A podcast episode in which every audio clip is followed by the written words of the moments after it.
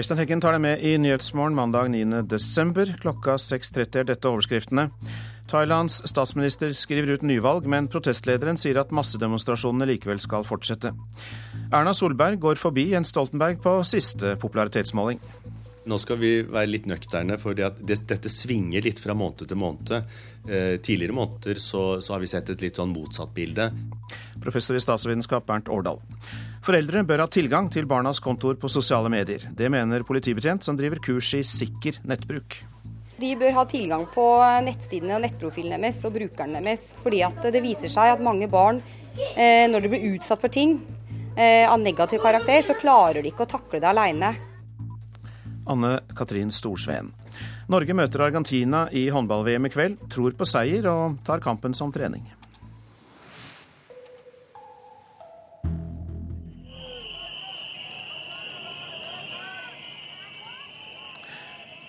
Det vi hører her, er demonstranter i den thailandske hovedstaden Bangkok.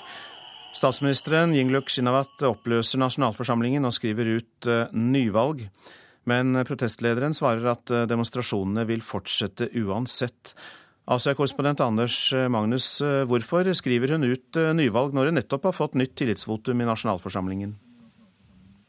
Det er fordi eh, opposisjonens eh, delegater i nasjonalforsamlingen de har eh, forlatt eh, sitt verv. De har rett og slett eh, sagt farvel eh, til nasjonalforsamlingen og er ikke lenger representanter der.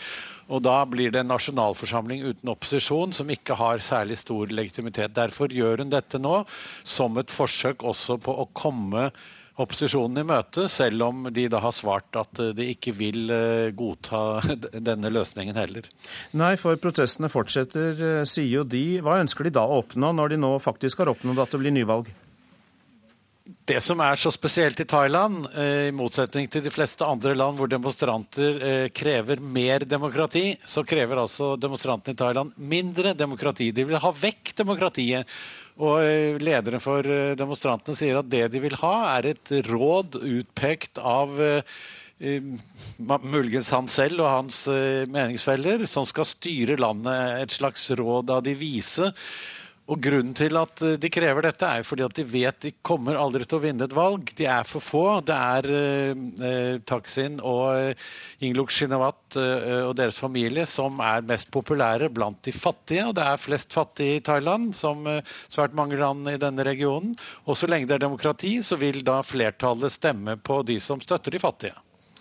Ja, Yingluck Shinawat blir jo da beskyldt for å gå brorens ærend, og han eh, er jo den omstridte eksstatsministeren Takshin Shinawat, som altså er i eksil. Hvilken innvirkning har han på Thailands politikk nå? Jeg tror han har stor innvirkning på sin søster. Det er nok ingen tvil om at, eh, at, hun eh, får råd fra han. Det er blitt sagt at han har deltatt i videokonferanse med regjeringen også. Så de som sier at Yingluck er, er en marionette for sin bror, har nok delvis rett. Men ikke bare, for hun har også vært ganske selvstendig. Gjort det bra både hjemme og ute.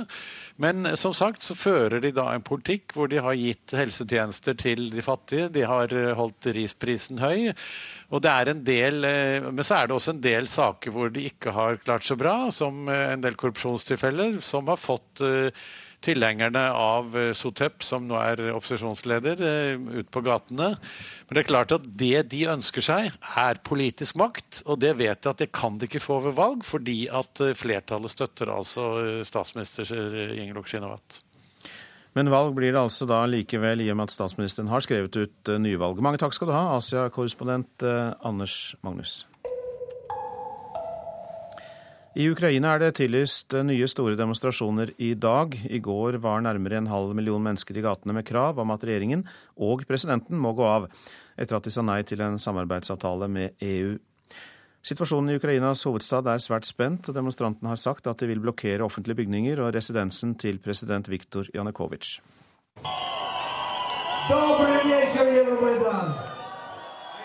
Dette er ikke den siste kvelden vi møtes for å demonstrere, ble det skreket ut på den sentrale Frihetsplassen, nå inoffisielt omdøpt til EU-plassen i sentrum av den ukrainske hovedstaden Kiev seint i går kveld.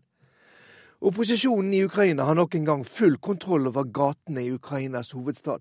Ikke minst fordi titusener nå har busset og toget inn fra de vestlige delene av landet, der man er langt mer innstilt på samarbeid med Europa enn det man er lenger øst. Vi er sammen med hele nasjonen, sier lederen for partiet Svaboda, Oleg Tianjuk. Det sterkt nasjonalistiske partiets aktivister har vært svært aktive under demonstrasjonen i Kiev. Og det var bl.a. maskerte medlemmer fra dette partiet som i går rev ned den siste Lenin-statuen i den ukrainske hovedstaden. I dag sier aktivister de vil blokkere offentlige kontorer og residensen til president Viktor Janukovitsj ved bredden av Dnieperfloden. Det er frykt blant lederne for opposisjonen at vold fra radikale aktivister kan gi myndighetene et påskudd til å gripe inn mot demonstrantene. If the government wants to arrest those who lead the peaceful demonstration, so this government will be responsible. Hvis myndighetene velger å gå til aksjon, ja, så vil hele ansvaret for det som skjer, ligge på deres skuldre, sier Arseni Arsenjuk, som nå leder partiet til fengslede tidligere statsminister Julia Timosjenko.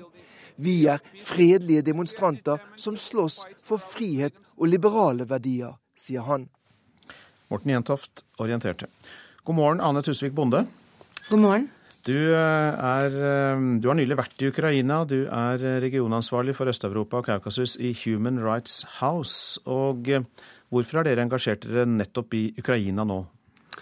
Vi har engasjert oss i Ukraina lenge fordi at vi jobber sammen med lokale organisasjoner, menneskerettighetsorganisasjoner der, for å bygge opp menneskerettighetshus. Fordi vi mener at det, det absolutt trengs i alle land, men også i Ukraina nettopp for å styrke sivilsamfunnet. Dere har vel menneskerettighetshus, er det i 13 land, da? Eh, og dere ønsker altså å utvide dette tilbudet. Hva går det ut på? Det går ut på at ulike organisasjoner jobber sammen under samme tak, fordi at det styrker deres altså Det gjør det mer synlige. Det gjør det vanskeligere å angripe én organisasjon når man er under samme tak, og det øker samarbeidet mellom organisasjonene. I tillegg så er det da lettere for oss i et nettverk å få de lokale stemmene til å bli hørt internasjonalt. Hvordan er forholdene for menneskerettigheter i Ukraina sammenlignet med naboland? Altså, De har generelt vært på en måte et fristed i Ukraina for ukrainske og hviterussiske menneskerettighetsforkjempere å komme dit, fordi at det ikke er straffbart å utføre på en måte det arbeidet de gjør i Ukraina. Samtidig så har forholdene i forhold til tortur vært veldig ille i Ukraina lenge. altså Nesten altså i fengslene verre enn i Russland. sånn at man har jobbet i mange år for å forbedre forholdene. Hvordan kan eh, dere, og da kanskje også Norge, bidra? Jeg tror at det er nettopp ved å sette fokus på det som skjer, og stille krav der eh, Ukraina er med. Altså, Ukraina er jo medlem i Europarådet og i OSSE, og særlig i Europarådet så må på en måte eh, de andre landene stille krav til medlemslandene og si at du må oppfylle disse kravene hvis du ønsker å være medlem i Europarådet. Og Det er en lang prosess, det er ikke noe man bare gjør på disse dagene. Det må man følge opp også etterpå, uavhengig av hvordan det går i Ukraina nå. Børge Brende, utenriksministeren var jo nylig i eh, Ukraina. Det var riktignok et internasjonalt eh, møte i OSSE. Men hvilke andre konkrete krav stiller du til Børge Brende? Altså, vi mener at den uh, norske regjeringen må følge opp, at vi må si klart ifra at de som er skyldige i den volden som har skjedd mot demonstranter og journalister, de må straffes.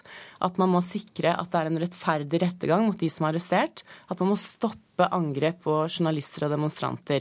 Vi har også sammen med den ukrainske foreningen i Norge, Helsingforskomiteen, Norsk Penn, hatt en markering i går hvor vi ba Stortinget om å sende en observasjonsstyrke til Ukraina. Og Det er fordi vi mener at det er så viktig. at Det var viktig at Børge Brende kom til Maidan og så det selv. Og det er viktig med internasjonal tilstedeværelse over lengre tid. Fordi disse rettssakene mot de som man nå har eh, arrestert allerede, de kommer til å gå Nå er folk varetektsfengslet i to måneder. Så man trenger langvarig internasjonal tilstedeværelse. Man er nettopp redd for at nå når OSSE OSSEs ministerrådsmøte er over, at det er da myndighetene igjen kan slå til og prøve å rydde bort demonstranter. Og at det vil være en, en videre voldsutøvelse.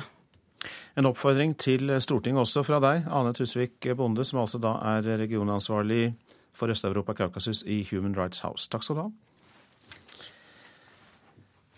Hvis eh, velgerne her hjemme fikk bestemme i dag, så ville de valgt Erna Solberg som statsminister i Norge framfor Jens Stoltenberg. Det viser NRKs partibarometer for desember, utført av Norstat. Velgere på Frogner i Oslo kommenterer målingen slik.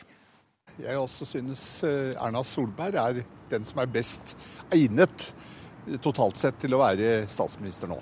Jeg tror nok hun er best skikka. Hun er en veldig sterk politisk skikkelse.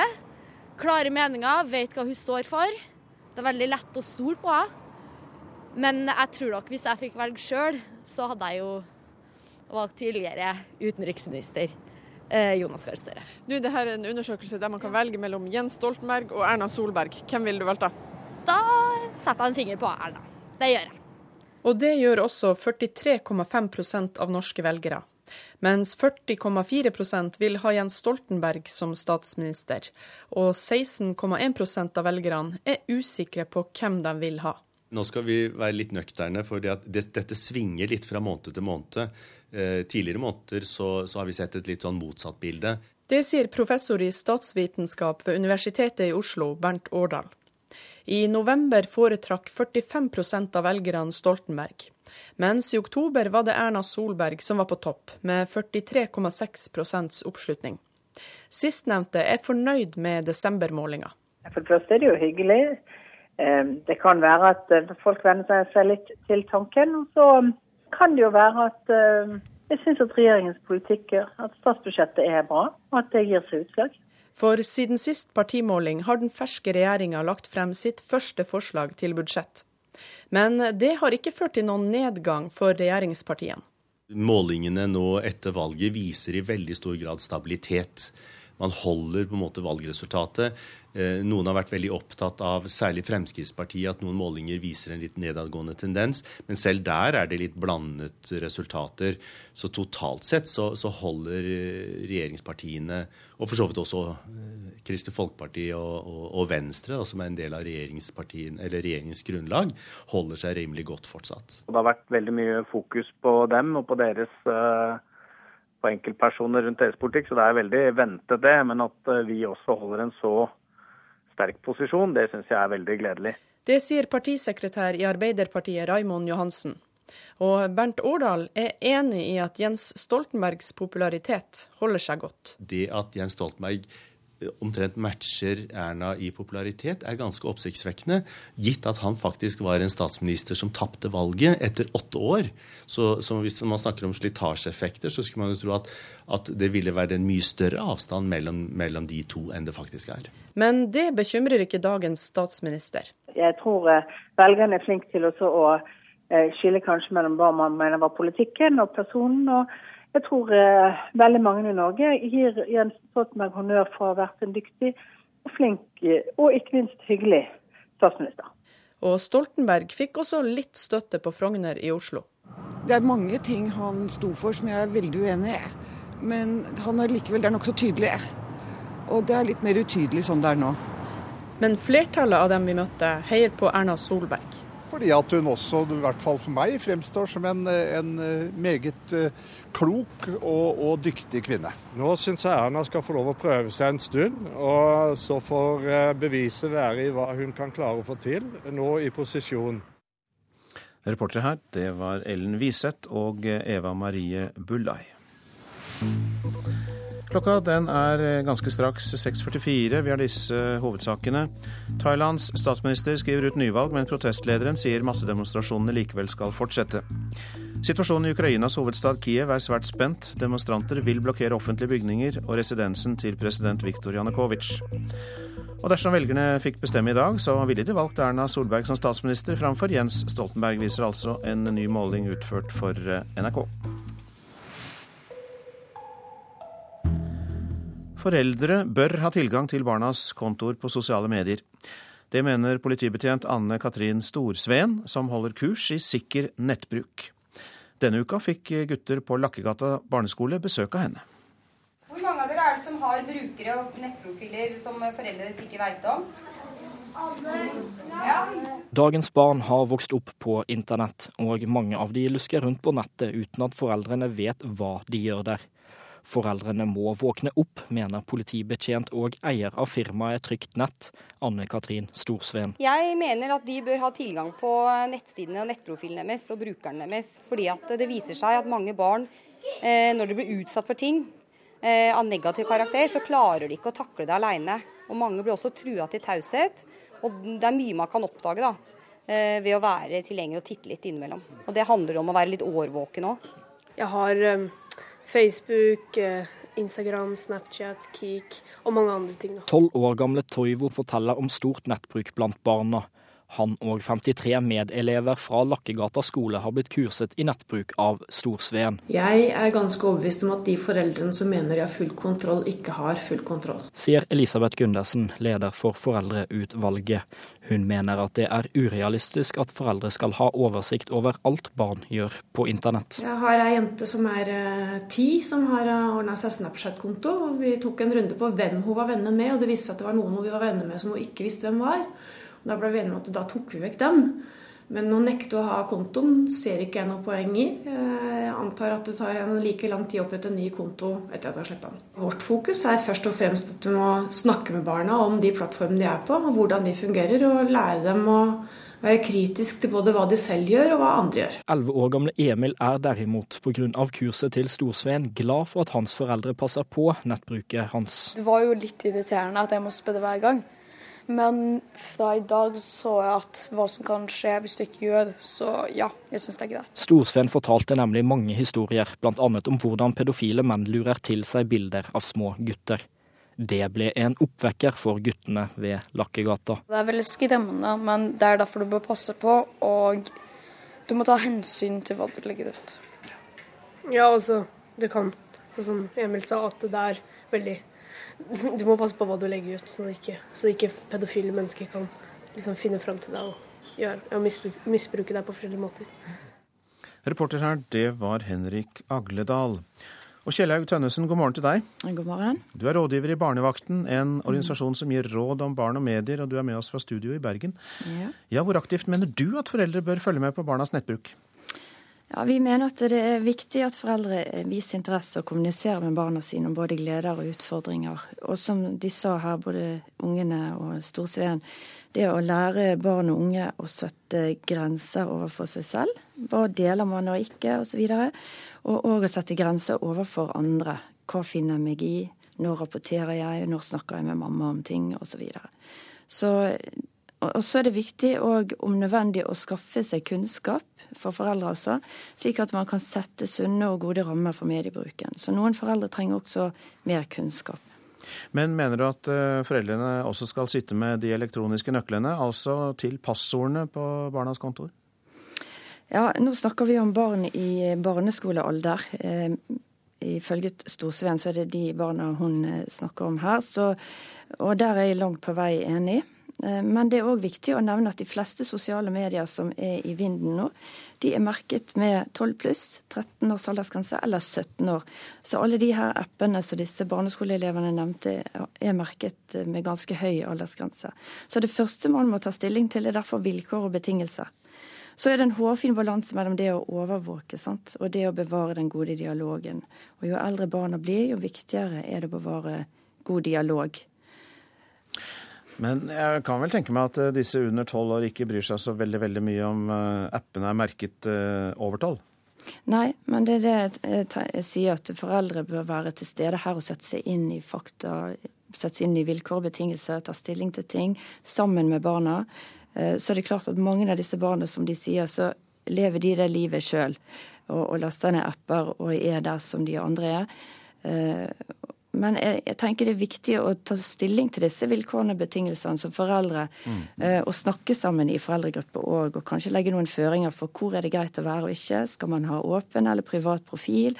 Er man venner med foreldrene sine eller ikke, der det går an? Osv.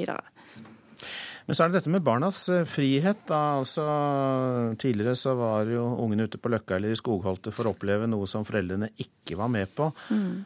Og kan du tenke deg at de føler seg overvåket, eh, passa veldig på av foreldrene hvis de har tilgang til alt mulig som de driver med på nettet? Eh, jo, det forstår jeg veldig godt. Og jo eldre barna blir, så er jo det kanskje en sterkere følelse. Og, og jeg tenker det at når du kommer fra syvende klasse oppover, så er det ganske problematisk for en syvendeklassing, åttende, niende og tiende at mamma og pappa har alle mine passord og tilgang til til og med chatten min på Facebook. Mm. Så, det, så det blir fort feil, og man mister kanskje fort den gode dialogen som er så viktig for å lære de nettikette og nettvett og sette grenser overfor seg selv og, og, andre, som er det viktigste. Eh, så det filteret mellom ørene, det er ikke bare å, å ha passordene og gå inn og, og, kikke, men det er viktig med dialog og, og oppfølging hele veien. Og så er det klart at uh, det er jo ikke nødvendigvis slik at man tar fra de frihet eh, om man har god kontroll på nettaktiviteten. Så eh, de har jo fått den friheten å få bruke nettet. Og for noen barn så kan det òg være et nødvendig uromoment at foreldre har god kontroll. Takk skal du ha, Kjellaug Tønnesen, som altså er rådgiver i Barnevakten. Og dere har jo egen nettside, så der kan folk gå inn og få flere råd. Nå til det avisene skriver om i dag. Stella på ett år koster tre ganger mer enn et kontantstøttebarn. Aftenposten har beregnet at hver ettåring som går i barnehage koster det offentlige mer enn 200 000 kroner, mens et barn som mottar kontantstøtte får 66 000 kroner i året. Men en fattigdomsforsker avisen har snakket med, mener at det neppe er en smart innsparing verken for den enkelte familie eller det offentlige på sikt. Tilspisset mellom staten og Kjell Inge Røkke kan vi lese i Dagens Næringsliv. Statens advokat Else Bugge Fogner mener Røkke feilinformerte næringsministeren om Aker Solutions. Finansprofessor mener det har skjedd en urimelig overføring av verdier til 300 millioner kroner fra Aker Solutions til Aker. Det er en Kafka-prosess, det er Røkkes kommentar til dette, sendt til avisa fra informasjonsdirektøren. Oljeministeren vil ha bånn gass og trosser anbefalinger om å sette på oljebremsen, skriver Klassekampen. Tord Lien sier han vil kjøre offensiv oljepolitikk, og at det er enorme mengder olje og gass igjen på sokkelen. Holden-utvalget, som nylig leverte sin rapport om norsk økonomi, anbefaler derimot å utsette åpning av nye oljefelt og gi færre letelisenser. Mens regjeringen tar frukten fra elevene, får politikere og byråkrater 130 tonn gratis, skriver Bergens Tidende. 17 av 18 departementer har gratis frukt på jobben. Frukt er et meget godt personalpolitisk tiltak, sier informasjonsrådgiveren i Forsvarsdepartementet. Unge må bo årevis på sykehus, skriver Vårt Land. 7% av de psykiatriske pasientene er klare til å skrives ut. Likevel blir de boende på sykehus fordi kommunene ikke har tilbud til dem. Fjerning av priskontroll på gardsbruk vil gi et mer rettferdig marked, sier eiendomsmeglere til Nasjonen. Der kampen om jorda er stor, vil prisene øke, sier Rolf Langeland i Norsk landbruksmegling, og han er positiv til å fjerne priskontrollen. Familier i asylmottak får ikke ekstra mat til jul fra Kirkens Bymisjon i Tromsø, selv om flere allerede har bedt om det, forteller Nordlys. Vi ønsker ikke å berike Hero, som driver mottakene for staten, sier Ann Karin Sogge i Bymisjonen. Men Hero har ingen egne velferdsordninger som inkluderer ekstra penger eller mat til jul.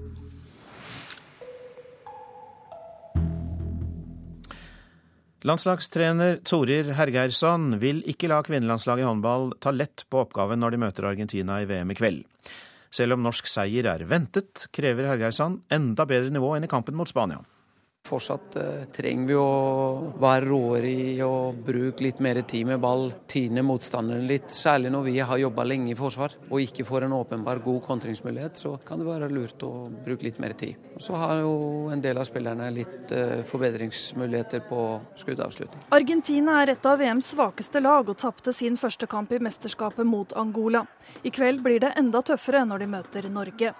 Heidi Løke vil ikke fokusere på motstanderens svakheter. Jeg tror det er viktig at vi bruker å konsentrere oss om, om oss selv. Vi må fortsette det tøffe forsvarsspillet og vi syns vi kan løpe enda mer. Så vi får bruke disse kampene for det det er verdt. Karoline Dyhre Breivang mener kampene mot Argentina og Paraguay i morgen vil gi verdifull trening for et norsk lag som trenger mer spilletid sammen. Vi merker at samspillet sitter ikke helt. Vi er ikke helt der vi ønsker å være på hverandre i bevegelsene, så vi bruker de to kampene til å være nøyaktig og få, få trent. NRKs håndballekspert Øystein Havang er enig i at kveldens kamp blir for trening å regne. Vi har et lag som eh, klart skal eh, dominere den kampen. Det viktige nå er å få i gang flere spillere. Det er jo flere spillere etter Spania-kampen som eh, nok ønsker å, å, vise hva de står for. Så nå blir det for Torer å matche laget på en måte slik at alle kommer inn i turneringa. Norge-Argentina kan du få med deg på Radio P1 fra klokka 20.03. Og reporter her var Hilde Liengen. Verdens største Munch-utstilling gikk med sju millioner kroner i overskudd. Jubileumsutstillingen fikk dobbelt så mange besøkende som forventet, og nå skal Munch-museet og Nasjonalmuseet bruke overskuddet på nye utstillinger. Selvportrett med sigarett fra 1895 er eh, nå tilbake her på Nasjonalgalleriet, og tilbake i sin eh, gedigne, forgylte gullramme. Maleriet 'Selvportrett med sigarett' av Edvard Munch har vært på turné landet rundt som en del av årets Munch-jubileum. Nå er det tilbake på sin faste plass i Nasjonalgalleriet i Oslo. De siste månedene har museet i samarbeid med Munch-museet laget verdens største Munch-utstilling. Det har jo vært en fantastisk suksess. Vi er jo veldig veldig stolte og veldig veldig fornøyde. Og veldig glad for at det er så mange mennesker som har eh, vært like fornøyd som det vi er, og virkelig har kommet. Og køer som vi hadde under denne utstillingen, det har vi jo aldri opplevd før. Så mange mennesker har besøkt utstillingen at den har gått syv millioner kroner i overskudd. Pengene skal brukes på nye utstillinger, sier Elsebeth Kjerskov, prosjektleder for Munch-året. Altså Overskudd skal jo deles mellom de to museene, og begge museene har planer for nye utstillinger som kommer publikum til gode. Så alt dette er ressurser som skal pløyes tilbake til fellesskapet. Men for et år siden var ikke forventningene til Munch-året så høye. Oslo kommune hadde fortsatt ikke avklart om det nye Munch-museet skulle bygges, og jubileet slet med å få finansieringen på plass. Men i løpet av året ble Munch-museet Lambda vedtatt, sponsorene kom på plass, og Munchs Skrik ble solgt for 750 millioner kroner i New York. Altså Den reaksjonen som kom akkurat nå i år, og denne populariteten, det er jo knyttet punkt én til at han er en innarbeidet kunstner. Vår mest innarbeidede kunstner gjennom alle år. Det mener professor i kunsthistorie ved Universitetet i Oslo, Øyvind Storm Bjerke. Så dette var noe alle måtte se.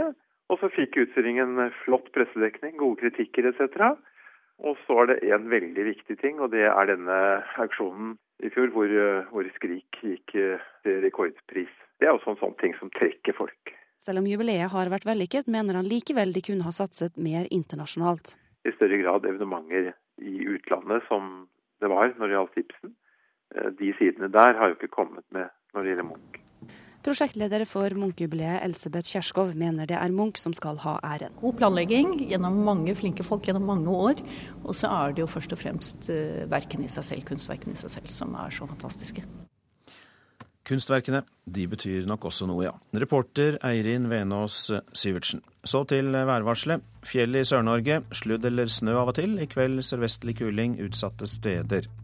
Østlandet og Telemark oppholdsvær, men litt uh, sludd eller snø av og til. Stedvis regn som kan fryse på bakken, så her gjelder det å være litt obs. Agder litt regn vesentlig vest, først på dagen som snø i høyden. Stedvis regn som kan fryse på bakken også i Agder. Det blir også lokal tåke. Vestlandet sør for Stad litt regn av og til. Snø i høyereliggende strøk. Økende nedbør til kvelden. I ettermiddag stiv kuling ved Stad. Møre og Romsdal litt sludd eller snø. Seinere regn under 600 meter, men uh, mer nedbør i kveld. Fra i ettermiddag sørvest stiv kuling på kysten av Møre og Romsdal. Trøndelag økning til sørøst liten kuling utsatte steder. Stiv kuling i nord. Og oppholdsvær. I kveld dreining til sørvestlig liten kuling på kysten. Det blir litt snø i Trøndelag eh, i kveld. Seinere regn i lavereliggende områder sør i Trøndelag. Nordland sørøstlig vind, perioder med stiv kuling sør for Bodø. I kveld sterk kuling. Stort sett pent vær, men i kveld snø sør for Bodø, og etter hvert også ytterst i Lofoten. Troms, der er det enkelt og greit lettskyet pent vær i dag. Finnmark enkelte snøbyger på kysten i nord, ellers eh, stort sett pent. Og Spitsbergen enkelte snøbyger, mest på vestsiden. Så tar vi for oss temperaturene som ble målt klokka fire. Svalbard lufthavn minus 11, Kirkenes minus 16, Varde minus 4, Alta minus 12, Tromsø-Langnes minus 5. Bodø minus 6, Brønnøysund minus 2, Trondheim-Værnes minus 5, Molde minus 6. Så dukker det opp noen plussgrader. Bergen-Flesland pluss 5, Stavanger pluss 7, Kristiansand-Kjevik minus 1, Gardermoen minus 5, Lillehammer minus 8, Røros minus 10 og Oslo-Blindern hadde minus fire grader, og det var altså da klokka var fire i natt.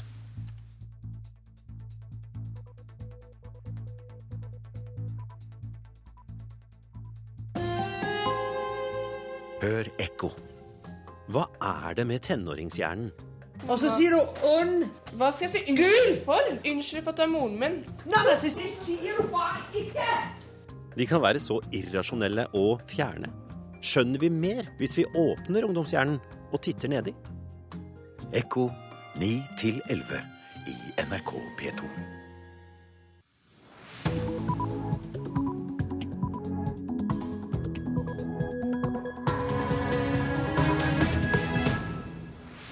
Og her fortsetter Nyhetsmorgen. Transparency International kommer for å kommentere det vi hørte i Dagsnytt, at norske selskaper bekjemper korrupsjon dårligere enn store internasjonale konserner.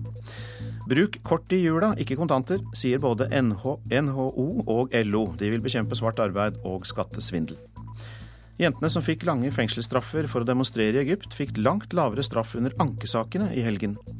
Og nordmenn trenger mer tid til å bruke opp pengene sine. Fredag er i ferd med å bli fridag.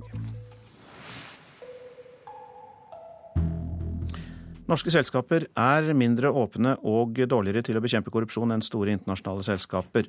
Det kommer fram i en stor rapport fra Transparency International og KLP. Norske selskaper eh, gjør det litt dårligere enn de multinasjonale selskapene når det gjelder antikorrupsjon og, og organisatorisk åpenhet. Sier Jeanette Bergan, leder for ansvarlige investeringer i KLP. Sammen med Transparency har Livselskapet sett på hvor åpne og korrupsjonsforebyggende norske selskaper er. Og resultatet er altså skuffende.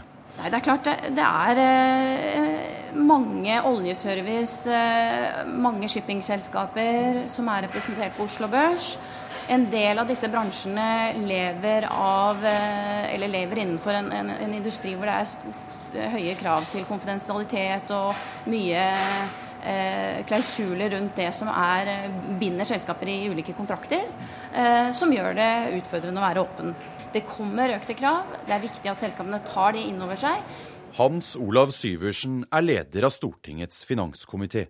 Nå krever han at norske selskaper skjerper seg. For dette kommer på agendaen også i det norske storting. Jeg tror nok mange, og det har jeg også tenkt, at eh, norske selskap var eh, litt over gjennomsnittet på plussiden. Så jeg kan nok ikke annet enn si at uh, dette var litt skuffende tall, sett fra mitt ståsted. Hva er din oppfordring til norske selskaper her? Det er å bruke denne grundige rapporten til å gjøre det bedre når eh, neste rapport eh, kommer. Eh, dessuten har jo også Stortinget for kort tid siden vedtatt at man skal innskjerpe hvordan man rapporterer den virksomheten man har i ulike land. Bl.a. når det gjelder skattemessig tilpasning. Så det er også gått et klart signal nå fra faktisk et samlet storting om at dette ønsker vi forbedringer på. Det signalet håper også KLP siver inn hos næringslivstoppene. Og så er det sånn at Vi har i Norge hatt store, alvorlige korrupsjonssaker i noen av våre største og stolteste selskaper. Det er alvorlig. Til sist et lite lyspunkt fra Norges eneste gigantselskap. Vi har én ledestjerne, det er Statoil, som er overlegent bedre enn alle andre selskaper på dette området. De er et eksempel til etterfølgelse. Men så veldig mange andre som er så veldig gode, er det egentlig ikke. Reporter det var Sindre Heierdal. Og god morgen, Guro Slettemark. God morgen. Du er generalsekretær i Transparency Norge, og det er jo den internasjonale antikorrupsjonsdagen i dag, så da passer det godt at du er her. Um, ja, det du hørte her, eh, det er jo et innslag laget bl.a. Eh, etter den rapporten dere har fått utarbeidet. Uh, hva syns du om de ønskene om krav til næringslivet som kommer fra stortingspolitikerne her?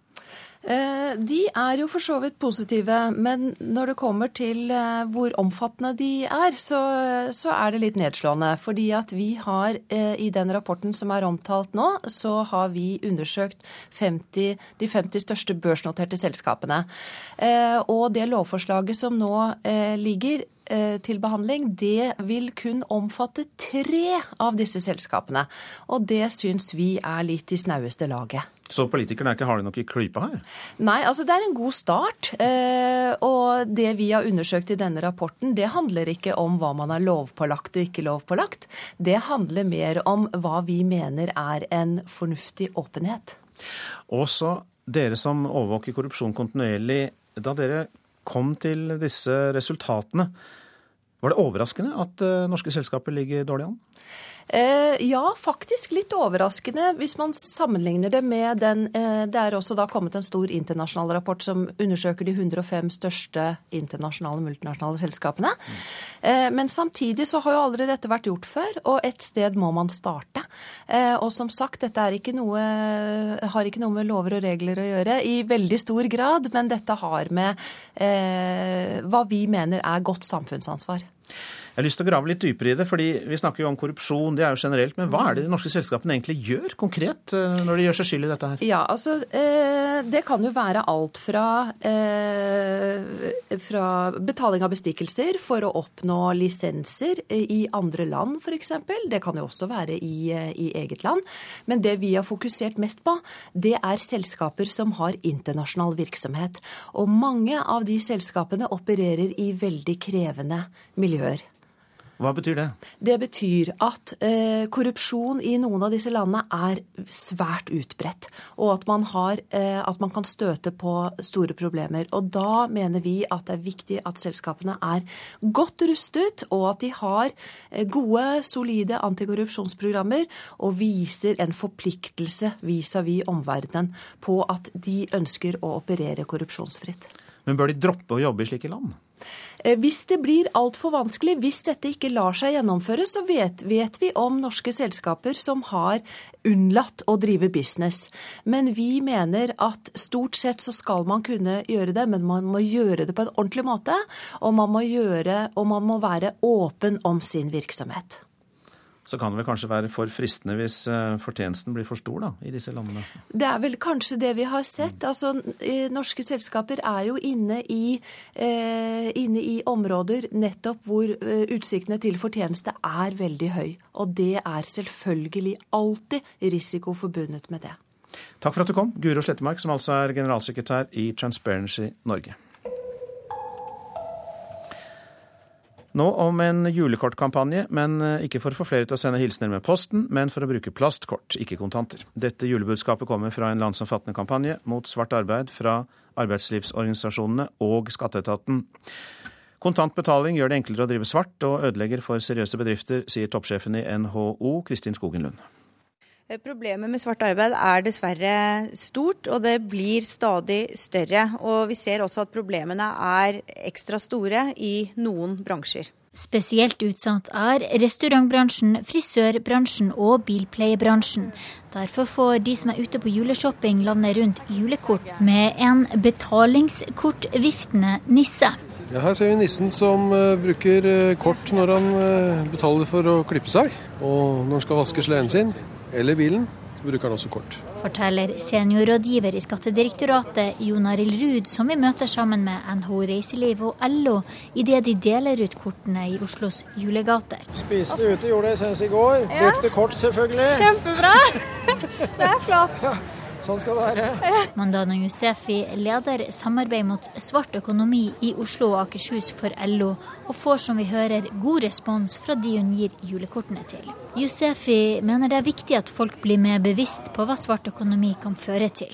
Det gjør jo at eh, man hvert år mister inntekter, skatteinntekter, som kunne heller blitt brukt på å bygge veier og Flere skoler og bedre helsetjenester, f.eks. De fleste vi treffer på gata bruker uansett kort. Jeg betaler nesten alltid med kort, jeg. Ja, det gjør jeg ja. Kun én gang kan Penny Haymans huske å ha blitt bedt om kontanter. Ja, det var en del år siden. Eh, og da spurte jeg litt, og da ble det litt Ja, da skjønte jeg. Mm. Men jeg har ikke vært der siden, da.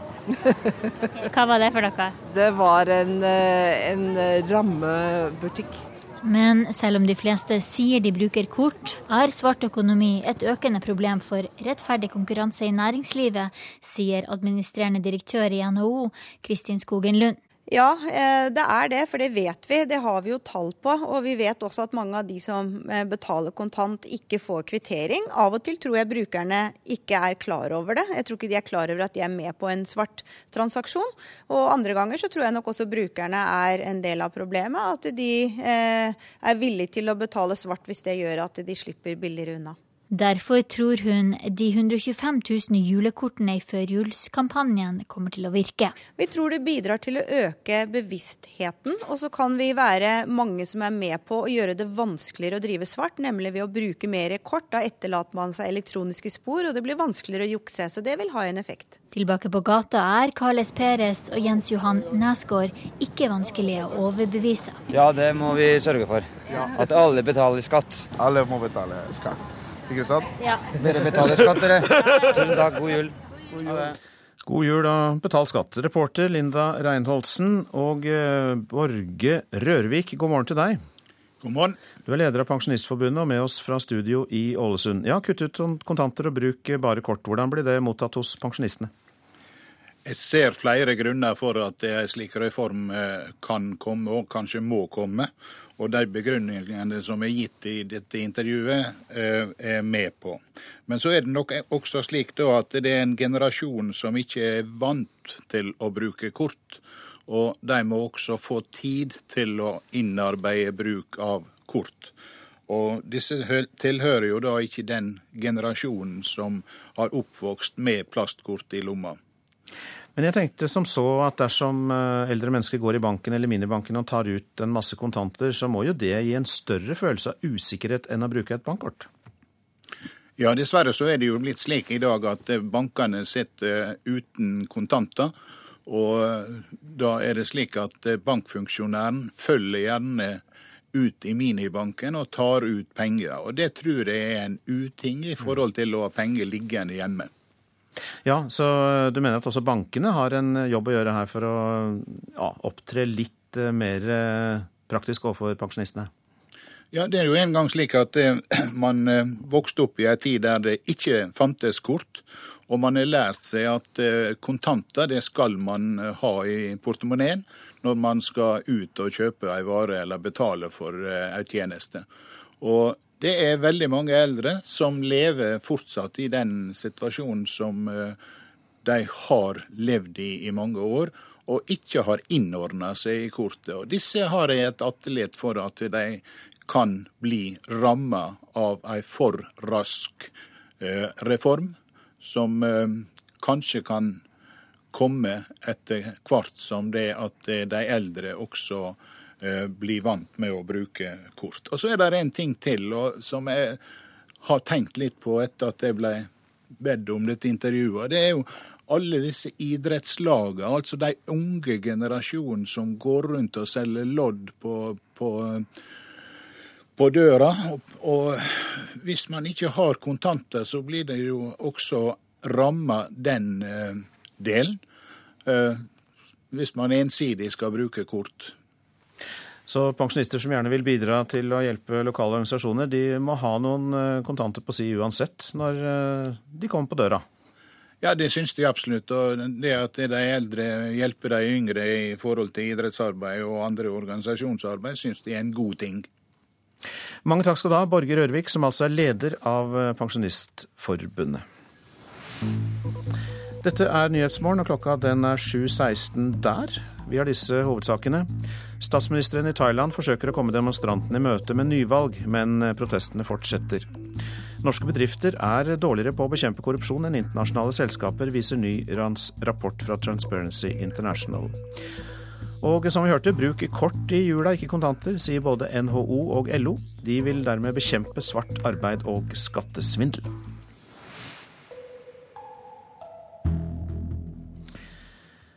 I Sør-Afrika starter en ny uke etter at landets eh, store ikon og forbilde Nelson Mandela gikk bort forrige torsdag. I går ble det holdt minnegudstjenester over hele landet, og du fulgte jo med på det, annet uh, Lars Sigurd Sunnanå. Og uh, hva er din følelse, er Sør-Afrika ferdig med å sørge, eller kommer det til å ta lang tid? Nei, Nelson Mandelas bortgang vil prege Sør-Afrika hele denne uken, frem til den offisielle landesorgen avsluttes med en nasjonal forsoningsdag og avduking av en statue av Mandela i Pretoria 16.12., dagen etter at han er gravlagt i landsbyen Kono, der han vokste opp i den østre Kapp-provinsen. Og I dagene fram mot denne begravelsen, eh, hva skal skje da? Ja, Først og fremst så blir det jo en stor minnemarkering her i eh, Johannesburg, på et fotballstadion mellom Johannesburg og Soveto, hvor 95 000 mennesker kommer til å samle seg. Og minnmarkeringen vil også bli overført på storskjermer til to andre fotballstadioner og til en lang rekke steder i Sør-Afrika. Så det blir den store markeringen. Den kommer i morgen. Men så, på, fra onsdag til og med fredag, så kommer altså da Nelson Mandela til å ligge på lite parad i presidentpalasset i Pretoria. Eh, frem og tilbake til likskuet så vil han bli kjørt gjennom gatene i Pretoria. Og da oppfordrer vil folk kunne hylle ham og hedre ham underveis de, de, de tre dagene. Og så kommer da selve begravelsen på søndag. Lørdag fraktes båren til da Kono, men søndag gravlegges han da i Kono. Og da vil den også bli overført til storskjermer over hele Sør-Afrika. Der blir etablert rundt 90 slike samlingspunkter i landet i denne uken. Det kommer jo statsledere fra hele verden. Barack Obama, David Cameron, Ban Ki-moon, bare for å nevne noen få. Er Sør-Afrika klar til å ta imot alle disse celebre gjestene og sikre at, de, at det ikke skjer noe? Ja, Mye av dette har jo vært forberedt i god tid. Man har jo visst etter at Nelson Mandela ble skikkelig syk i desember i fjor, at denne dagen ville komme, og at det ville bli et storinnrykk av eh, statsledere og regjeringssjefer under, eh, på, til begravelsen. Og i, i morgen går det nok greit, fordi mange av dem flyr jo bare inn og ut. Og, og det er eh, skikkelig planlagt her i Johannesburg og i Pretoria. Men i Kono er det nok atskillig vanskeligere, for det er et eh, holdt på å si, ute på landsbygda, og hvor fasilitetene ikke er de, de samme. Men, så det blir nok bare en utvalgt liten uh, gruppe dignitærer som får være til stede når selve begravelsen finner sted på søndag. Mange takk skal du ha, Lars Sigurd Sønnaas, som altså rapporterte fra Sør-Afrika. Jentene som ble dømt til lange fengselsstraffer i Egypt for å ha støttet avsatte president Mohammed Morsi, fikk redusert sine dommer betydelig under ankebehandlingen i helgen. Samtidig fortsetter flere rettssaker som rammer både ledere av Det muslimske brorskapet og ikke-islamistiske aktivister.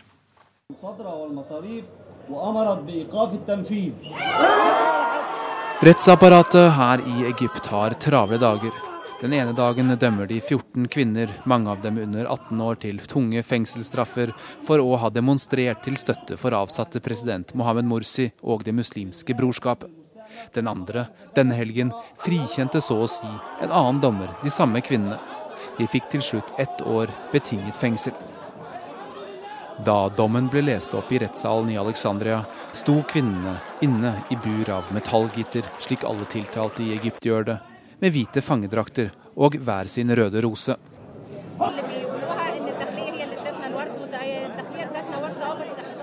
Det sies at Innenriksdepartementet ga oss disse blomstene, sa en av kvinnene, og fortsatte. Det stemmer, blomster i form av elleve år i fengsel. Men disse blomstene kommer fra våre slektninger. Ustadigheten og hyppigheten i rettssaker for øyeblikket i Egypt tyder både på et regime som slår hardt ned mot sine meningsmotstandere, men som også tester grensene for hvor langt de kan gå. Alle sentrale brorskapsledere er i fengsel og har løpende prosesser. Senere i dag skal det opp en ny runde i rettssaken mot brorskapets øverste leder, Mohammed Badie, hvor myndighetene faktisk har en sak som isolert sett ikke er så dårlig. De mener han oppfordret til vold i sommer, og han kom med en del utsagn som gikk ganske langt. Men det slår bare den ene veien. De som støtter regimet, kan si nesten hva de vil i egyptisk media, og ingen, verken i hæren eller politiet, er tiltalt for all volden som er begått her de siste fem månedene. Samtidig slår myndighetene også til mot den andre siden, de som startet oppstanden mot Hosni Mubarak i 2011. De ofte venstreradikale aktivistene er nå et nytt mål for myndighetene etter at de vedtok en protestlov for to uker siden som i praksis umuliggjør demonstrasjoner på gateplan. Det er for brudd på denne loven f.eks. at stifteren for ungdomsbevegelsen 6. april, Ahmed Mahar, i går sto for retten sammen med bl.a. Ahmed Duma. Som så ofte skjer i disse sakene, det var en kort opptreden i rettssalen, og så ble saken utsatt til 22.12., og Meher og de andre forblir i fengsel. Også den kjente aktivisten Abdul Allah Fatah sitter i arrest sammen med mange andre. Disse rettssakene viser hvor skakkjørt den såkalte demokratiske overgangsprosessen etter kuppet mot Morsi i sommer har blitt, og det er ikke mye i den nye grunnloven som nå skal ut til folkeavstemning som tyder på en kursendring. Det gis noen formelle rettigheter, men hæren har frie fullmakter til å styre seg selv, akkurat som de fikk det da Morsi var president. Det er nå ikke lenger så viktig om Egypts sterke mann general Abdel Fattah al-Sisi kommer til å stille opp i presidentvalget eller ikke. Vedtas Grunnloven, slik den høyst sannsynlig gjør, har han uansett makt nok til å styre landet videre fra en mer beskyttet posisjon som forsvarsminister, dersom han skulle ønske det. Sigurd Falkenberg Mikkelsen, Kairo. Og så til eh, avisenes forsider. Til et bilde av lille Stella på ett år skriver Aftenposten at hun koster tre ganger mer enn et kontantstøttebarn. Avisa har beregnet at eh, hver ettåring som går i barnehage koster offentlige mer enn 200 000 kroner, mens et barn som mottar kontantstøtte får 66 000 kroner i året. En fattigdomsforsker mener at det neppe er en smart innsparing, verken for den enkelte familie eller det offentlige på sikt. Tilspisset mellom staten og Kjell Inge Røkke kan vi lese i Dagens Næringsliv. Statens advokat Else Bugge Fogner mener Røkke feilinformerte næringsministeren om Aker Solutions. Finansprofessorer mener det har skjedd en urimelig overføring av verdier til 300 millioner kroner fra Aker Solutions til Aker. Det er en Kafka-prosess, det er Røkkes kommentar, sendt til avisa fra informasjonsdirektøren. Oljeministeren vil ha bånn gass og trosser anbefalinger om å sette på oljebremsen, skriver Klassekampen. Tord Lien sier han vil kjøre en offensiv oljepolitikk, og at det er enorme mengder olje og gass igjen på norsk sokkel. Holden-utvalget, som nylig leverte sin rapport om norsk økonomi, anbefaler derimot å utsette åpning av nye oljefelt og gi færre letelisenser. Mens regjeringen tar frukten fra elevene, får politikere og byråkrater 130 tonn gratis, skriver Bergens Tidende. 17 av 18 departementer har gratis frukt på jobben. Frukt er et meget godt personalpolitisk tiltak, sier informasjonsrådgiver i Forsvarsdepartementet. Unge må bo årevis på sykehus, skriver Vårt Land. 7 av de psykiatriske pasientene er klare til å skrives ut. Likevel blir de boende på sykehus fordi kommunene ikke har tilbud til dem. Fjerning av priskontroll på gardsbruk vil gi et mer rettferdig marked, sier eiendomsmeglere til Nasjonen. Der kampen om jorda er stor, vil prisene øke, sier Rolf Langeland i Norsk landbruksmegling, som er positiv til å fjerne priskontrollen. Familier i asylmottak får ikke ekstra mat til jul fra Kirkens Bymisjon i Tromsø, selv om flere har bedt om det. Det forteller Nordlys. Vi ønsker ikke å berike Hero, som driver mottakene for staten, sier Ann Karin Sogge i Bymisjonen. Men Hero har ingen egne velferdsordninger som inkluderer ekstra penger eller mat til jul.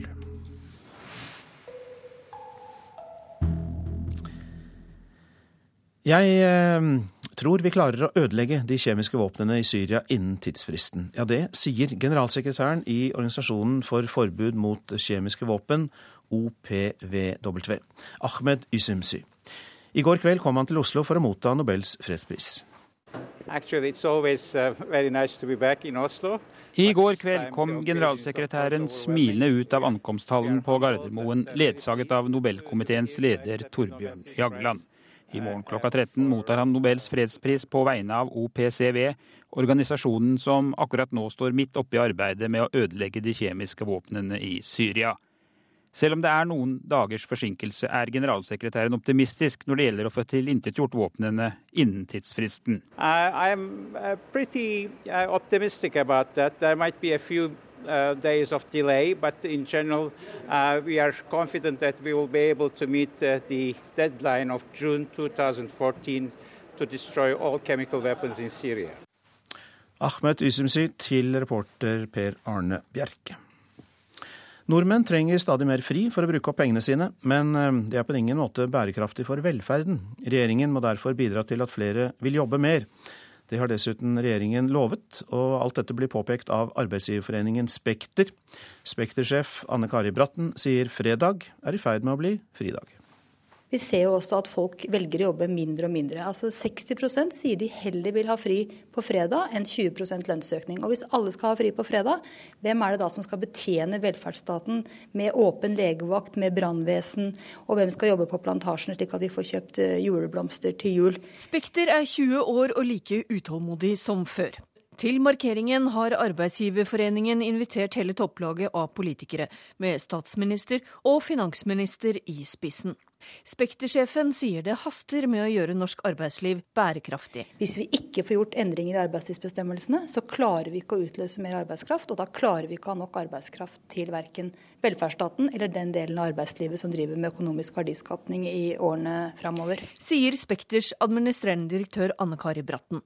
Hun mener det må bli slutt på skyttergravskrigen i arbeidslivet. For det hindrer nødvendig omstilling til Norge etter oljealderen. Jeg tror at en av årsakene til at arbeidstidsbestemmelsene ikke endres, er fordi vi har gått ned i hver vår ideologiske skyttergrav. Og når den ene ønsker en endring, så blir den beskyldt for eh, brutalisering. Og når den andre ønsker en endring, så blir man beskyldt for å eh, være museumsvokter.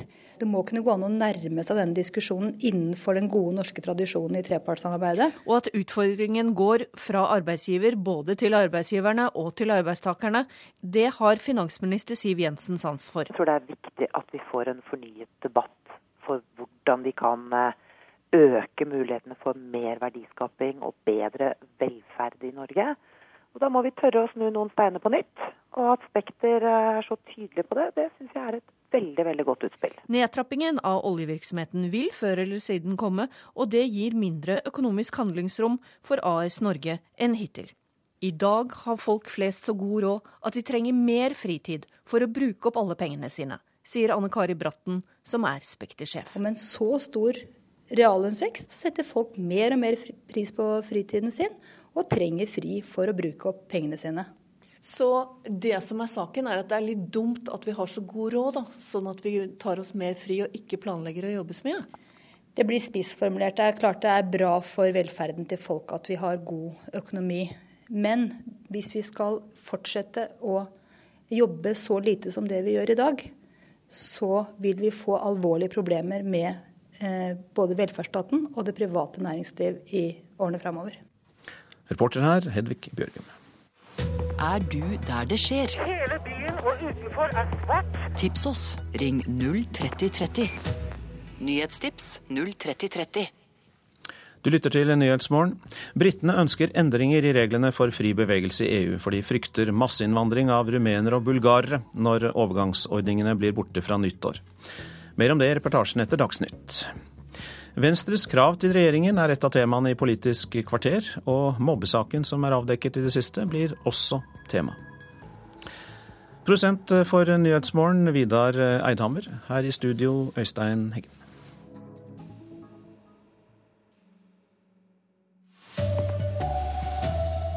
Nasjonalforsamlingen i Thailand skal oppløses, sier statsministeren. Norske bedrifter er dårligere på å bekjempe korrupsjon enn mange andre selskaper i verden, viser ny rapport. Bruk kort og ikke kontanter i julen, ber NHO. Her er NRK Dagsnytt klokken 7.30.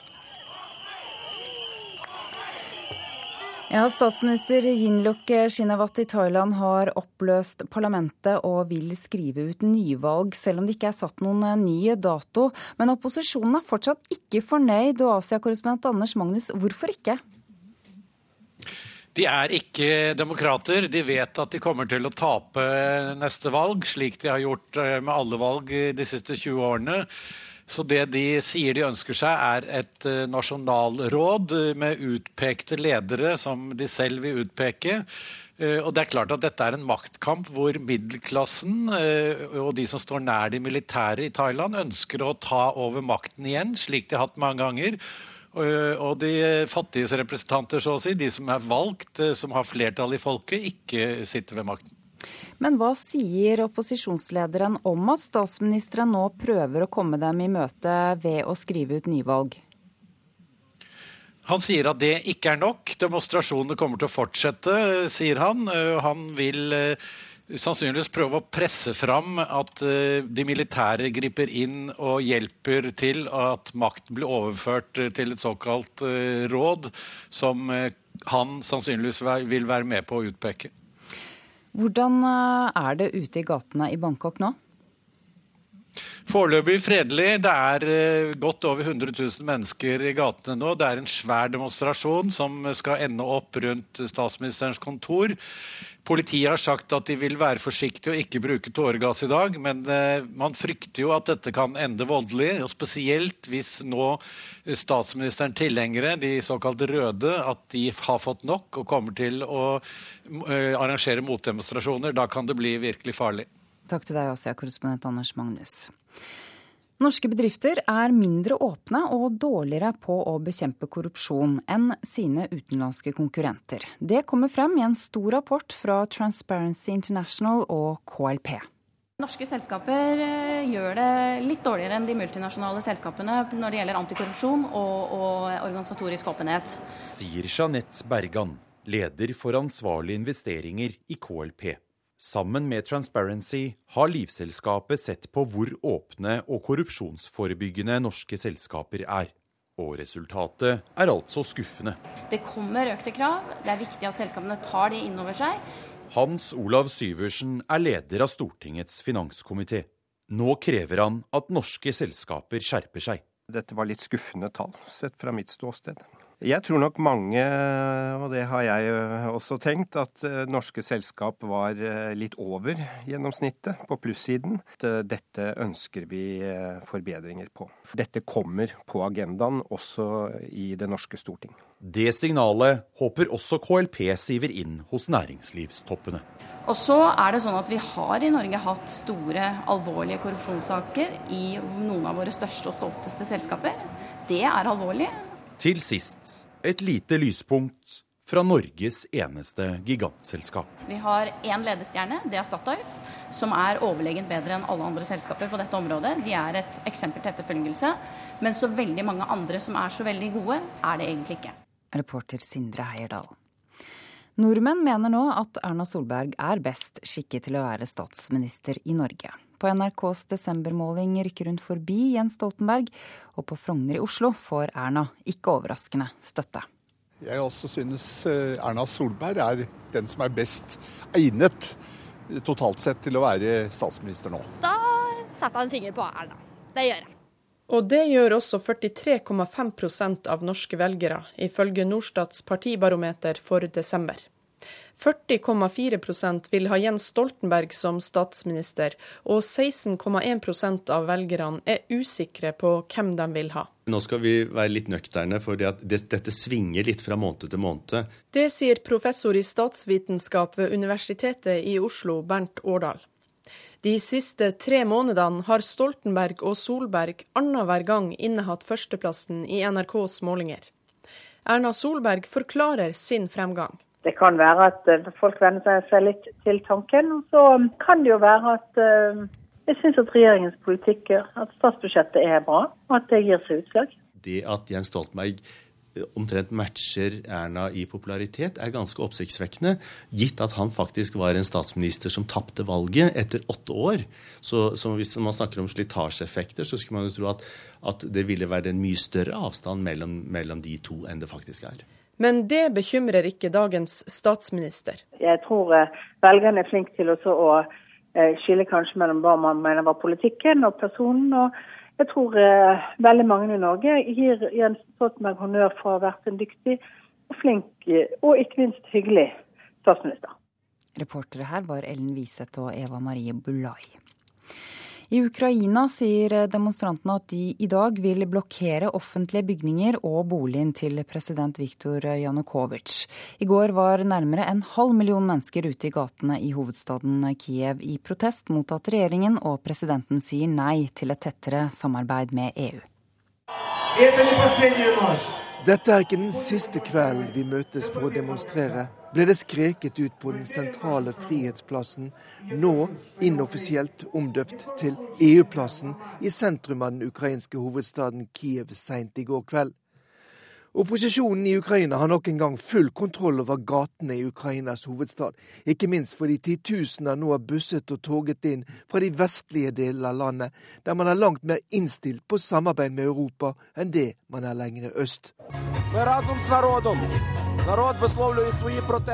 Vi er sammen med hele nasjonen, sier lederen for partiet Svaboda, Oleg Tianjuk. Det sterkt nasjonalistiske partiets aktivister har vært svært aktive under demonstrasjonen i Kiev. Og det var bl.a. maskerte medlemmer fra dette partiet som i går rev ned den siste Lenin-statuen i den ukrainske hovedstaden. I dag sier aktivister de vil blokkere offentlige kontorer og residensen til president Viktor Janukovitsj ved bredden av Dnjeperfloden. Det er frykt blant lederne for opposisjonen at vold fra radikale aktivister kan gi myndighetene et påskudd til å gripe inn mot demonstrantene. Sa reporter Morten Jentoft. Jeg tror vi klarer å ødelegge de kjemiske våpnene i Syria innen tidsfristen. Det sier generalsekretær i Organisasjonen for forbud mot kjemiske våpen, Ahmed Osumjo. I går kveld kom han til Oslo for å motta Nobels fredspris. Actually, uh, nice I går kveld kom generalsekretæren smilende ut av ankomsthallen på Gardermoen, ledsaget av Nobelkomiteens leder Torbjørn Jagland. I morgen klokka 13 mottar han Nobels fredspris på vegne av OPCW, organisasjonen som akkurat nå står midt oppe i arbeidet med å ødelegge de kjemiske våpnene i Syria. Selv om det er noen dagers forsinkelse, er generalsekretæren optimistisk når det gjelder å få tilintetgjort våpnene innen tidsfristen. Uh, uh, days of delay, but in general, uh, we are confident that we will be able to meet uh, the deadline of June 2014 to destroy all chemical weapons in Syria. Reporter Per Arne Bjerke. Bruk kort og ikke kontanter i julen. Det er budskapet i en landsomfattende julekortkampanje mot svart arbeid som arbeidslivsorganisasjonene og skatteetaten står bak. Kontantbetaling gjør det enklere for de som driver svart, sier direktør i NHO Kristin Skogen Lund. Eh, problemet med svart arbeid er dessverre stort, og det blir stadig større. Og vi ser også at problemene er ekstra store i noen bransjer. Spesielt utsatt er restaurantbransjen, frisørbransjen og bilpleiebransjen. Derfor får de som er ute på juleshopping landet rundt julekort med en betalingskortviftende nisse. Vi tror det bidrar til å øke bevisstheten, og så kan vi være mange som er med på å gjøre det vanskeligere å drive svart, nemlig ved å bruke mer kort. Da etterlater man seg elektroniske spor, og det blir vanskeligere å jukse. Så det vil ha en effekt. Reporter Linda Reinholdsen. Seks måneder før Brasil skal arrangere fotball-VM, rystes landet av en skandale. For i natt var det voldsomme sammenstøt på en stadion. Et helikopter er et sjeldent syn på en fotballbane.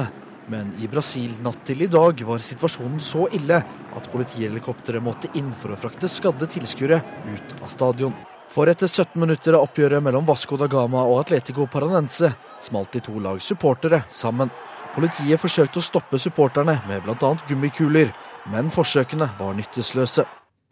Sa reporter Patrick Steen Rovlands. Ansvarlig for sendingen er Eirik Romberg. Teknisk ansvarlig Frode Thorshaug. Jeg heter Ida Creed.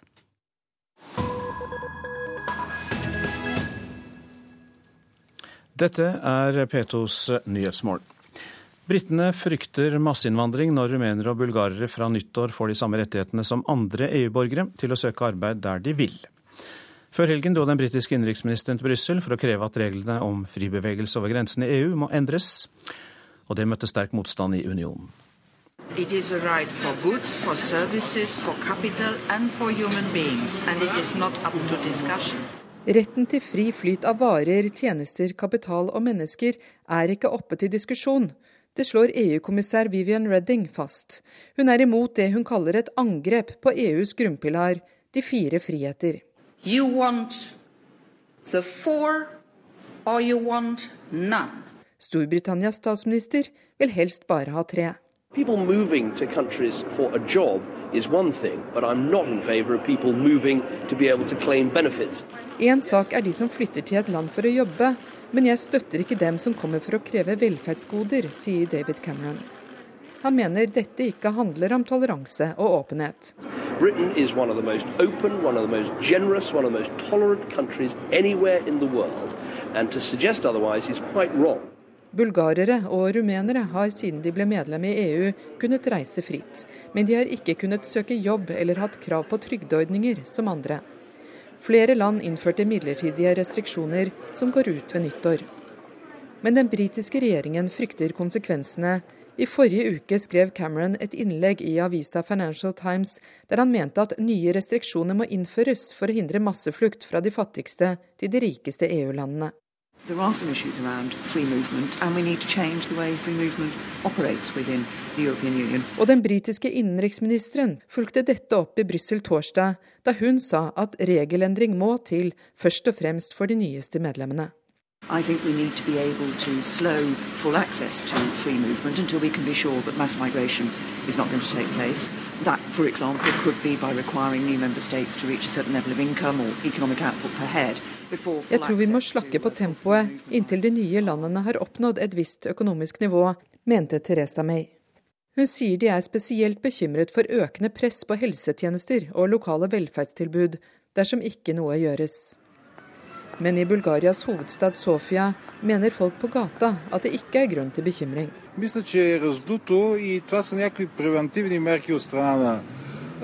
Britene roper opp om dette nå fordi de har problemer hjemme.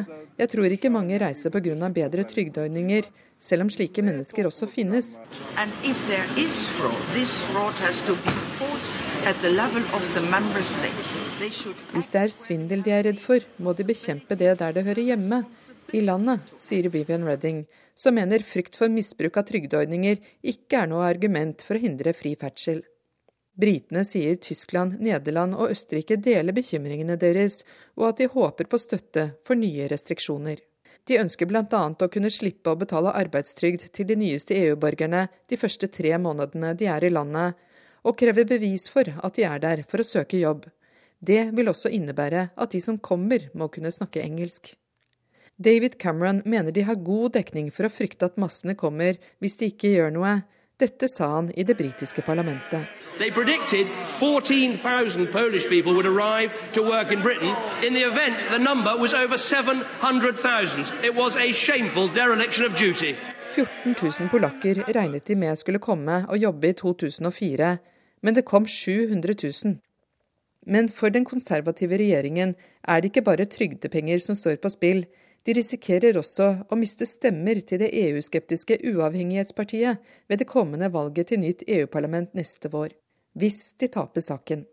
Åse Marit Befring, Brussel. Dette er Nyhetsmorgen, dette er hovedsaker. Statsministeren i Thailand forsøker å komme demonstrantene i møte med nyvalg, men protestene fortsetter. Norske bedrifter er dårligere til å bekjempe korrupsjon enn internasjonale selskaper, viser ny rapport. Og bruk kort i jula, ikke kontanter, sier både NHO og LO. De vil bekjempe svart arbeid og skattesvindel. Og Venstre kommer med flere konkrete krav til regjeringen. Det er et av temaene i Politisk kvarter. Per Arne Bjerke. Ja, nå vil partiet ha betalt for at det hjalp Erna Solberg og Siv Jensen til makten. Og politikere og titusener av andre mennesker har i løpet av helgen brukt Facebook og avisenes kommentarspalter for å støtte åtteåringene som ble sittende uten gjester på bursdagen fordi ingen kom. Foreldrenes ansvar når unger mobbes, sier lederen i omsorgskomiteen på Stortinget.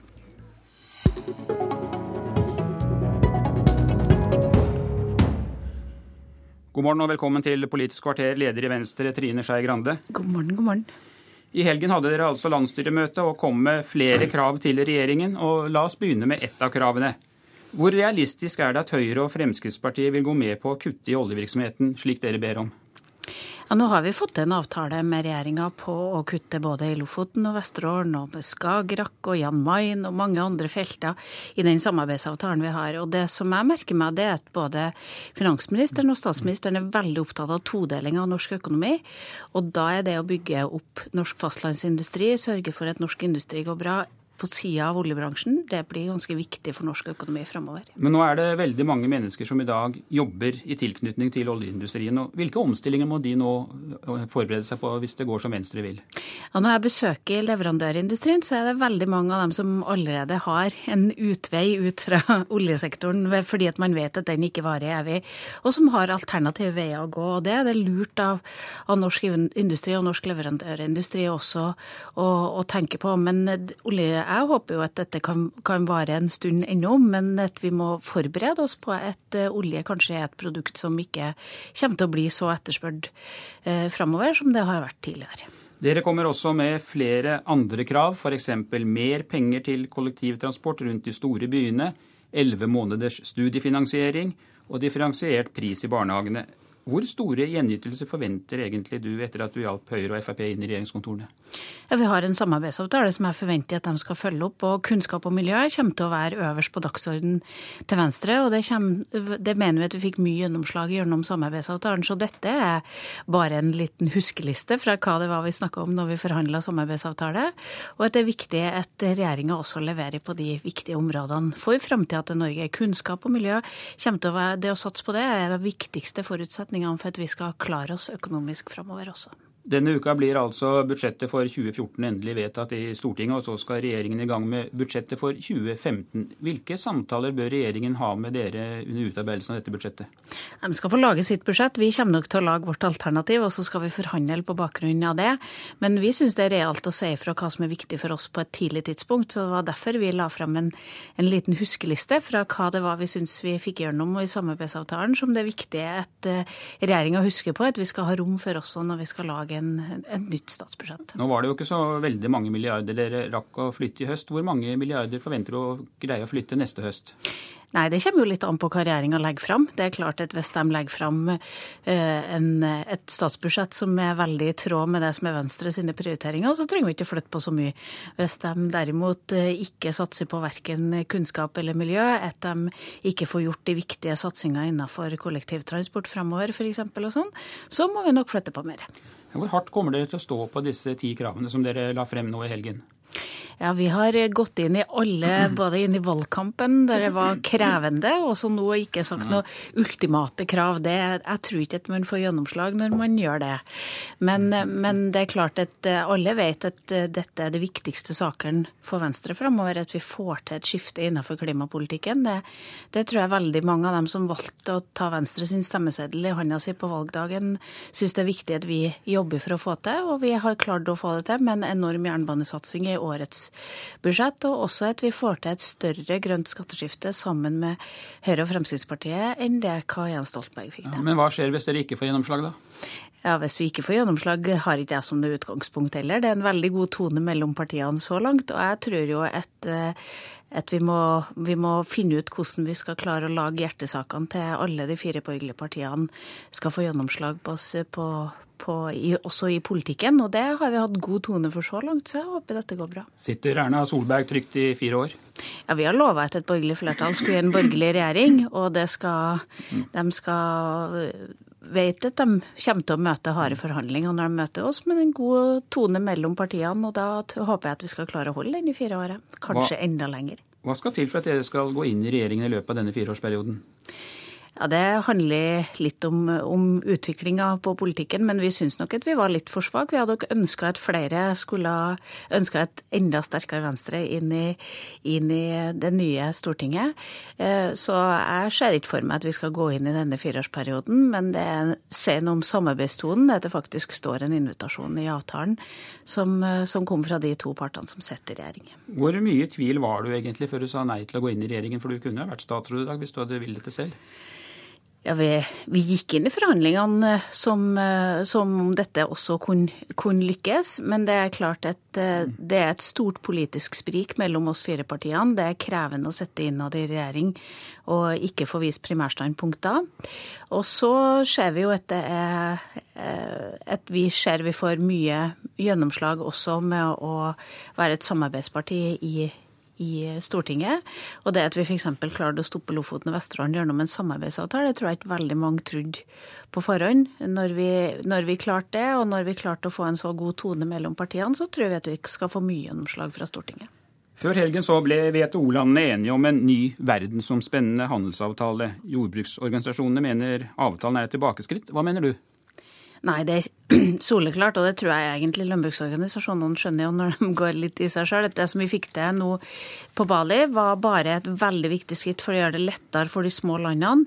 Mye mindre byråkrati knytta til handel, som er veldig positivt. Eh, og det vil øke verdenshandel, og viktighet verdenshandel og lave tollbarrierer er viktige for fred og utvikling i, i verden. Så, så jeg tror at eh, de skal det, det, som ble vedtatt av WTO nå, er ikke en trussel mot norsk landbruk. i hvert fall. Og Da er selvfølgelig mitt eh, neste spørsmål hva vil Venstre støtte regjeringen i arbeidet med å senke ostetollen? Venstre var imot innføring av ostetollen. Vi er generelt skeptiske til at man høy tollbarrierer mellom land. Ja, og hva gjør dere nå? Nei, men Det vi er opptatt av også, er å ha forutsigbarhet for norsk næringsliv. Og da kan du ikke kaste om på spillereglene på så kort varsel. Nå har vi hatt mange spørsmål inn til regjeringa mm. med, med, hvilke følger politikken de egentlig har. Det skal vi gå inn i. Så skal vi nok gi et råd. Men eh, det er klart at, eh, at jeg syns det er viktig at alt norsk næringsliv også norske bønder skal ha forutsigbarhet, vite hva de investerer i, vite hvilket marked de skal forholde seg til. Og det kan ikke være at noen, noen deler av norsk næringsliv ikke skal ha den forutsigbarheten. Takk skal du ha for at du kom hit, Trine Skei Grande.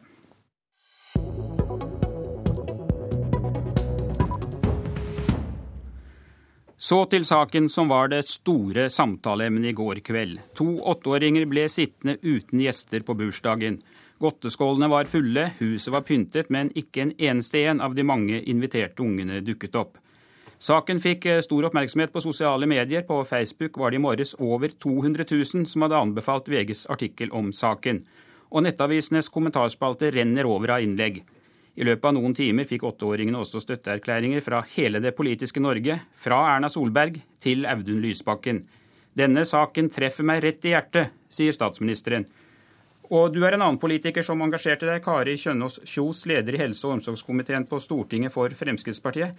Hvorfor berører denne saken så mange av oss? Nei, først og fremst fordi det handler om barn. Eh, vi har alle omtanke for barn. Men eh, det er noe med oss å få en barndom ødelagt, vet vi veldig mye om. Vi vet at det gir problemer oppover i, i uh, ungdomstiden, og at de kan, sto, kan, gi store konsekvenser også i voksen alder. Det er mange måter å mobbe på.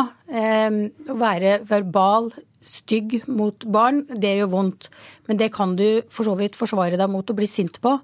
Men det å bli, eh, bli holdt utenfor, Eh, å være helt alene og ikke ha noen å på en måte ta igjen litt med, eh, det gir nok ganske så dype sår som vi ikke skjønner eh, omfanget av når vi står midt oppi det. Jeg tror at de barna som ikke møter opp, jeg tror ikke de i det hele tatt forstår hvor sårende det faktisk er. Kjersti Toppe, nestleder i omsorgskomiteen for eh, Senterpartiet. Er det mobbing eller ubetenksomhet når en åtteåring opplever at gjestene ikke kommer på bursdagen? Det er jo eh, umulig å, å, si det helt eh, konkret fra Stortingets side. Da må jo en vite mer om det. Så en skal jo òg være litt varsom i, i en sånn sak. Men jeg har jo ikke opplevd et så ekstremt tilfelle at faktisk ingen kommer. Eh, og eh, en, en vil jo tro at eh, her, her, er det Ja, du kan kalle det mobbing eller ekskludering. Eh, og eh, alle skjønner jo at dette er veldig fryktelig og veldig sårbart for, for unger å oppleve. Jeg tror jo at det er mange unger som har opplevd noe lignende òg. At dette er ikke enestående i, i Norge. Iallfall er det mange som sikkert har opplevd at det er få som kommer. At en ikke gir beskjed. og dette med bursdag er i hele tatt eh, Det kan være en situasjon som kan være vanskelig for, for mange. Og eh, Sånn kan vi ikke ha det. og Det viser hvor viktig fellesskapet er i samfunnet. Alle vil være en del av det, og særlig så vil jo unger være en del av det. Hvilket ansvar har foreldrene? Kjos? Nei, Jeg mener at, at, foreldrene har et klart ansvar. Hvis et barn sier at 'jeg vil ikke gå i den bursdagen', så bør man ha noen antenner ute som stiller noen spørsmål ved hvorfor. Eh, fordi vi vet at det er altfor mange barn som blir mobbet, eller som blir holdt utenfor. Eh, og så Det at man bare bruker noen sekunder på å reflektere over hva hvis det hadde vært mitt barn som eh, ikke fikk besøk på bursdagen. Eh, og så tror jeg vi i mye større grad skal ha foreldremøter og bruke litt tid på foreldremøter til å lage litt kjøreregler og, og, bli enige om hvordan vi skal eh, gjennomføre bursdager. Eh, vi vet at det er noen foreldre som har så dårlig råd at de har problemer med å sende barn i bursdagsselskap fordi de ikke har penger til å kjøpe med en gave. Det er mange grunner til at man kanskje ikke møter opp, så vi skal ikke på en måte bare pakke det inn i én ting. Men det er derfor jeg mener at disse foreldremøtene hvor man lager noen kjøreregler og diskuterer det, mange skoler har tatt det i bruk, og jeg tror at det fungerer ganske bra. Jeg vil oppfordre andre skoler til å gjøre det samme. Eh, Kjersti Toppe, dere politikere har jo gjentatte ganger engasjert dere i arbeid mot mobbing, men burde disse kampanjene egentlig først og fremst settes inn mot foreldrene? Eh, de må jo settes inn mot, eh, mot alle, eh, ikke bare elevene eller lærere eller de som er rundt om dem i skolehverdagen, men selvsagt òg mot foreldrene. Og mobbing er jo noe som skjer i, i alle samfunnslag, så, så, foreldre har jo et veldig viktig ansvar. Så tenker jeg at det er jo ikke alltid like enkelt heller, fordi at en ikke alltid vet om hva slags gnisninger som, som, er når eh, eleven er med eh, vennene sine på skolen. Eh, mye skjer òg eh, i gråsona mellom skole og eh, heim på skolevei. og en skal være veldig oppmerksom eh, som foreldre for å avdekke alt, alt, som skjer. Men det er jo selvsagt et ansvar som foreldre å nettopp bidra, bidra til det. Så jeg er veldig enig med, med, med Kari her med at eh, det er viktig eh, at foreldre har eh, kontakt, og at foreldre altså har kontakt seg imellom. At, at foreldre vet hva som skjer. For hvis ikke så kan en heller ikke agere ut ifra det når en ser at ting skjer som ikke er bra. Kjønaas Kjos, du har jo engasjert deg i et arbeid mot mobbing senest i et uh, spørsmål uh, nå i høst. Uh, men så skjer det altså igjen og igjen. Vi hører historier om unger som ble mobbet. Dette tilfellet i går og flere andre tilfeller. Er det egentlig så mye dere politikere kan få gjort med det her? Nei, vet du, Nå tror jeg det aller viktigste vi kan gjøre, det er å ta tak i voksne mennesker. Når vi ser nettartikler og kommentarfelt under de, så er jeg ganske sjokkert over hva voksne mennesker får seg til å skrive. Eh, vi voksne går ikke foran som et godt eksempel med å behandle folk med respekt og, eh, og omtale hverandre på gode måter. Eh, så jeg mener at hvis vi skal lære barna hvordan man skal behandle hverandre, så må vi voksne ta oss skikkelig sammen og begynne å oppføre oss penere. Ja, Toppe, Det er kanskje ikke så rart at ungene blir som de blir, når du ser hva vi voksne kan få oss til å skrive, slik Kjønaas Kjos er inne på. Mm, mm. Nei, det, det, er helt klart. Eh, og eh, vi har jo eh, Ja, vi må gå i oss sjøl og, og innse at vi òg er et forbilde for, for barn og unge. Og jeg ser jo òg ellers i samfunnet Vi har mange TV-program som går på at en skal ekskluderes, og at den skal, de populære skal videre fram. ikke sant? Så så det er jo noe Det, det, det òg gjenspeiler jo hva som skjer i, i blant, um, i, ja, blant barn og unge. Ja. Takk skal dere ha for at dere kom hit til Politisk kvarter. Jeg heter Per Arne Bjerke.